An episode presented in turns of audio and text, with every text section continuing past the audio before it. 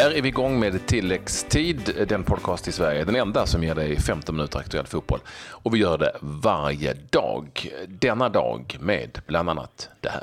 Malmö FF, ny tung förlust den här gången mot Göteborg. Omgångens lag, det är dags för omgång nummer sju. Kanske några skrällar ändå, häng med hela vägen till slutet. Mm, Jörgen Klopp fördömer Sala som eh, försökte filma till sig en straff eh, i helgen. Vi börjar med den allsvenska fotbollen, ett så kallat klassikermöte på det som numera heter bara Stadion, tror jag faktiskt, där nere i Malmö. Mm. Och det blev seger för IFK Göteborg, den första segern för Blåvitt där nere på de senaste 19 försöken, 2-1. Eh, efter en eh, match som förstås innehöll mycket känslor och där det nu förstås börjar bli så pass eh, vad ska vi kalla det för, eh, intressant så tillvida att Malmö FF som ju av de flesta har tippat som svenska mästare, så även av de andra lagen, nu har halkat efter så pass mycket att eh, väldigt mycket ifrågasätts. Kan Malmö FF ta ett SM-guld? Kan Magnus Persson sitta kvar som tränare? blir ju den där frågan som alltid kommer. Vi ska säga också att, eh, bara snabbt då, målen eh, i den här matchen eh, gjordes av Viktor Wernersson, gjorde 1-0 till IFK Göteborg på en kontring. Eh, i den 42 minuten Carlos Strandberg på en kontring i den 54 minuten och August Erlingmark 2-1 eh, i den 58 på en kontring minsann. Det var tre, kon tre kontringsmål. Tack, sju omgångar, var possession fotbollen förbi. ja, och jag vägrar säga omställning, jag vill, vill att ni noterar det.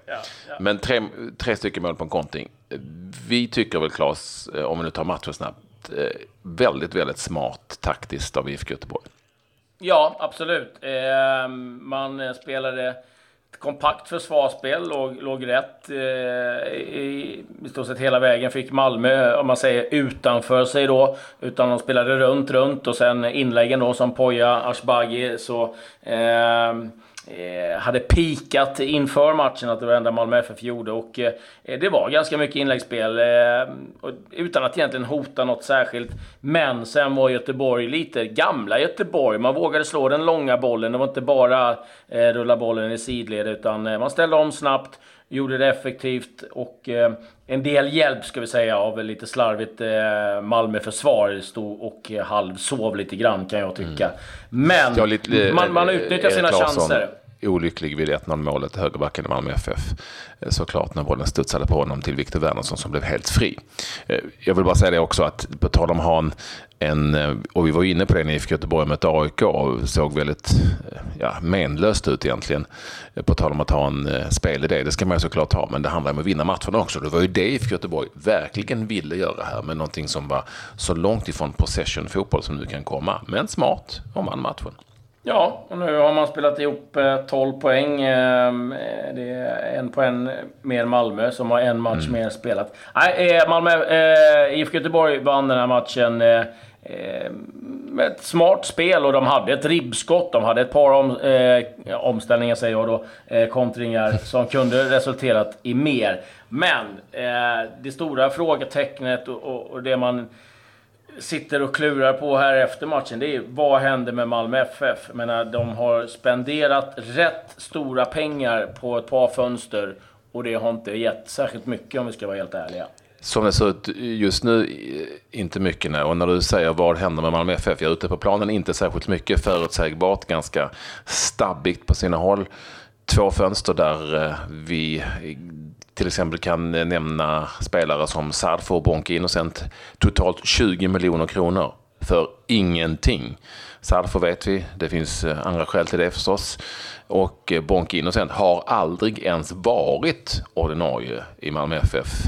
Eh, köpt för cirka 8 miljoner från Norge. Eh, och så eh, nu så alla de pengarna som har lagts för spelare som har kommit in i det, i det här fönstret. Och så här långt så ser det inte ut att vara någon supersuccé. Nu är det väldigt långt kvar, men det kan ju inte Malmö FF hålla på att säga hela tiden. För det är ju faktiskt så att det inte har sett speciellt bra ut någon gång under den här allsvenska inledningen, förutom en halvlek mot Elfsborg i första matchen. Men då visste vi ju inte riktigt att Elfsborg också kanske var ett väldigt knackigt lag den här säsongen. Eh, vad, vad som händer nu? Ja, Claes, du har svaret. ja, de måste, de, de, måste ju, eh, de måste ju handla igen. Det är ju någonstans den, den eh, kontentan som finns. Jag menar, de, eh, Malmö vill in i Champions League. Det, det, kommer man inte göra med det här spelet, och det här laget. Eh, jag tycker också att det kan vara viktigt att poängtera, för nu börjar det ju blåsa riktigt snålt kring eh, tränare Magnus Persson. Och det har man ju varit tydliga med från eh, eh, Malmös håll att det, det, är Daniel Andersson som är ansvarig för värvningarna. Magnus Persson är en tränare och sköter då träning av den truppen han får. Det är klart att han har någon slags input men det är ju någonstans Daniel Andersson och hans scouting-team eh, som eh, gör det här. Och eh, är det någon då som ska stå med hundhuvudet här kan jag tycka, då är det väl sportchefen i det här fallet då.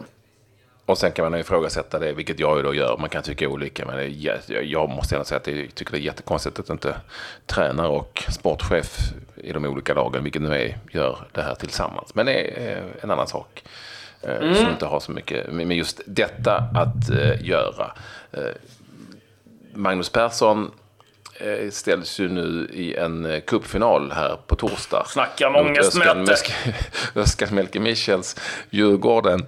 Eh, och jag vet inte, men en förlust där för endera laget kan ju faktiskt, kan säger jag utan att veta, kan ju definitivt innebära att en av tränarna åker.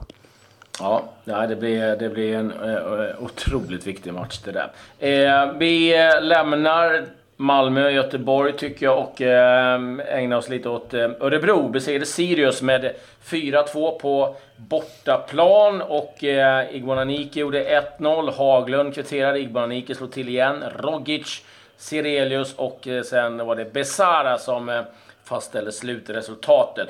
Måste nämna eh, Sirius skadebekymmer. De hade mm. sex spelare på skadelistan inför. Väldigt mycket muskelskador. Två spelare till rök under den här matchen. Och eh, ja, de eh, har givetvis eh, haft mycket skador tidigare, men nu är det bara muskelskador i stort sett.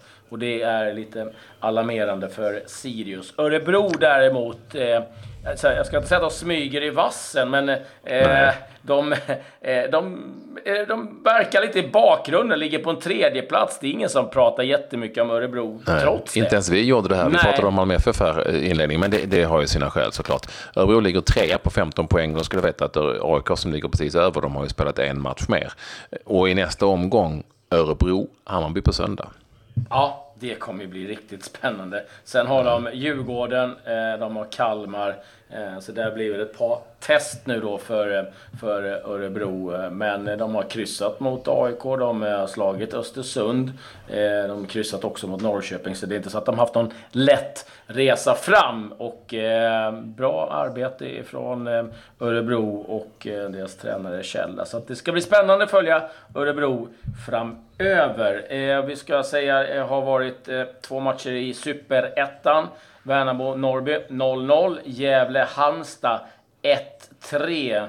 Seger då för Halmstad där. Och så var det en match i damallsvenskan. Linköping slog Kopparberg-Göteborg med 1-0 med ny tränare då i Linköping. Eh, ja, utomlands var det inga jättematcher på. Nej, vi kan konstatera bara snabbt då att i Veikkaus liga, har du kollat på den, den finska, så hade vi en, en svensk målskytt i i Mariehamn som fick 1-1 borta mot Honka i Simon Silverholt som är där nu i det åländska laget som har gått väldigt knackigt i inledningen av den finländska ligan. Har liksom bara gått ut för, för dem sen de vann ligan sensationellt för ett par år sedan. Sverige förlorade i U17-EM eh, mot Norge tyvärr 2-1 till norrmännen. Bägge målen gjordes av eh, Kjetil Rekdals systerson. Som ja, också heter Rekdal. Mm, bara en sån sak. Eh, och Sverige möter nu Portugal som är stor favorit. Sverige möter alltid Portugal de här Ja, det känns som att vi jämt drar dem Och det måste Portugal också säga, för vi har ju sänkt dem några gånger också. Så ja. de är väl inte och helt, eh, helt får jag bara ta snabbt då innan vi går vidare med annat att eh, Panathinaikos avrundade den grekiska ligan genom att eh, förlora det hemma mot Santi med 2-1. Mattias Johansson spelade, inget spel för Guillermo Mollin som nu har sagt att han ska lämna Panathinaikos. Eh, och när vi summerar den grekiska ligan så kan vi konstatera att Panathinaikos, ett av de stora lagen nu, blev åtta. Och de blev 30 poäng efter AIK Aten som vann ligan. 30 poäng. Det är ju rätt anmärkningsvärt, Ja. eller hur? Och och vill ni ha någon sorts status på den grekiska ligan just nu? Skytteligan vanns av Prijovic på 19 mål. Han spelar för PAOK Thessaloniki och det är alltså den Prijovic som sprang omkring i Djurgården för några år sedan. Ja, det fanns inga 19 mål i den kroppen just då Nej. kändes det som. Nej, eh, grekisk fotboll eh, har det bekymmersamt. Det kan vi lugnt konstatera. Lite övriga nyheter runt om eh, innan vi tar tag i omgångens lag. Eh, vi rapporterade ju igår om att Bolton eh, fixade eh, kontraktet eh, med en eh, makaber eh, vändning i slutskedet. Och det firades givetvis ordentligt. Mark Little, eh, han blev så glad i firandet så att han gav bort sin jacka till en eh, Bolton-supporter. Och jag tänkte inte mycket mer på det förrän eh, det var dags att eh, eh, eh, betala lite grejer. För då insåg jag att han hade både plånbok och vigselringen i jackan och gick ut på Twitter. Eh, det eller ej, han har faktiskt fått tillbaka både plånbok och eh, vigselringen är på väg tillbaka. Och det var nog tur det Wow. för Mark Little på, på alla sätt. Ny tränare på ingång till Dortmund, eh, Lucian Favre, numera i Nice, eh, uppges eh, vara klar som eh, ny tränare för Dortmund. Och en som har ett förflutet i Dortmund det är Jürgen Klopp och eh, han eh, hyllas nu i England eh, efter att han gick ut och eh, fördömde eh, Mohamed Salah som försökte filma. Eh, Jag ska säga att det var Salas första varning den här säsongen och inte så att det är någon eh, eh, filmare, eh, eller ja, brukar filma. Men ingenting att gömma sig bakom och säga att det var någon liten touch, utan bara det där tycker jag inte om, det där ska han sluta upp med på en gång. Och eh, skönt och befriande att någon gång höra en tränare säga nej, det där tycker jag inte om och det har jag sagt till att han ska sluta upp med. Ehm, och, Bra, och bra. det är ja, väldigt, väldigt bra och eh, eh, bra eh, gjort av Jürgen Klopp. Eh, med det så är vi egentligen eh, klara vad det gäller nyheter och nu är det dags att presentera omgångens lag. Ja, men det är ju väl en nyhet om någon. Ja, ja, ja. Kanske den största Absolut. av dem alla. Vi har valt att spela 4-3-3 den här gången.